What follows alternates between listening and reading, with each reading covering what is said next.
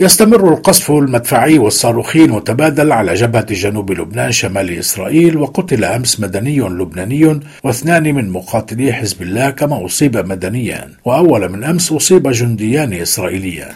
وسجل منذ الثامن من تشرين الأول أكتوبر الماضي دمار واسع لمنشآت مدنية وعسكرية على الجانبين. وتسبب آخرها أمس بأضرار كبيرة في شبكة مياه نهر الوزاني في الجنوب اللبناني. لكن حراكا دبلوماسيا نشطا امريكيا وفرنسيا بشكل خاص تمكن من إبقاء الوضع على الجبهة منضبطا رغم تهديدات إسرائيلية متواترة بشن حملة عسكرية واسعة لإعادة ثمانين الفا من سكان الشمال إلى بلداتهم وبيوتهم. فيما يوازيهم نحو مئة ألف لبناني اضطروا أيضا للنزوح. وزار بيروت في اليومين الأخيرين وزير الخارجية الفرنسي ستيفان سيجورني والمصري سامح شكري وسبقهما الأسبوع الماضي الوزير البريطاني ديفيد كاميرون وغيره. فيما تترقب الأوساط اللبنانية عودة المبعوث الأمريكي الخاص آموس هوكشتاين الذي التقى أخيرا معظم المسؤولين الإسرائيليين وبحث معهم اقتراحات لتهدئة مستدامة بين لبنان وإسرائيل. واستنادا إلى صحف ومواقع إعلامية عبرية فإن المبعوث الأمريكي طلب أن تعطى مساعيه فرصة وأنه سمع للمرة الأولى من وزير الدفاع الإسرائيلي موافقة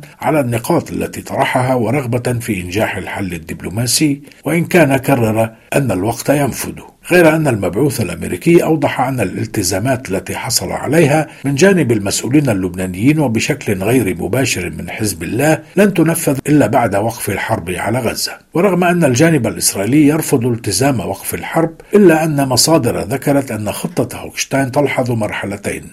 الأولى لخفض التصعيد والثانية للتوصل إلى حل سياسي يستند إلى تطبيق القرار الدولي 1701 ويفترض خفض التصعيد أن يبعد حزب الله مقاتليه عن الحدود مسافة ثمانية إلى عشرة كيلومترات. فيما يتطلب الحل السياسي أن توقف إسرائيل تحليق طيرانها الحربي في الأجواء اللبنانية وأن يرسل الجيش اللبناني نحو عشرة آلاف جندي لينضموا إلى القوات الدولية لحفظ السلام اليونيفيل وذلك لضمان هدوء الشريط الحدودي.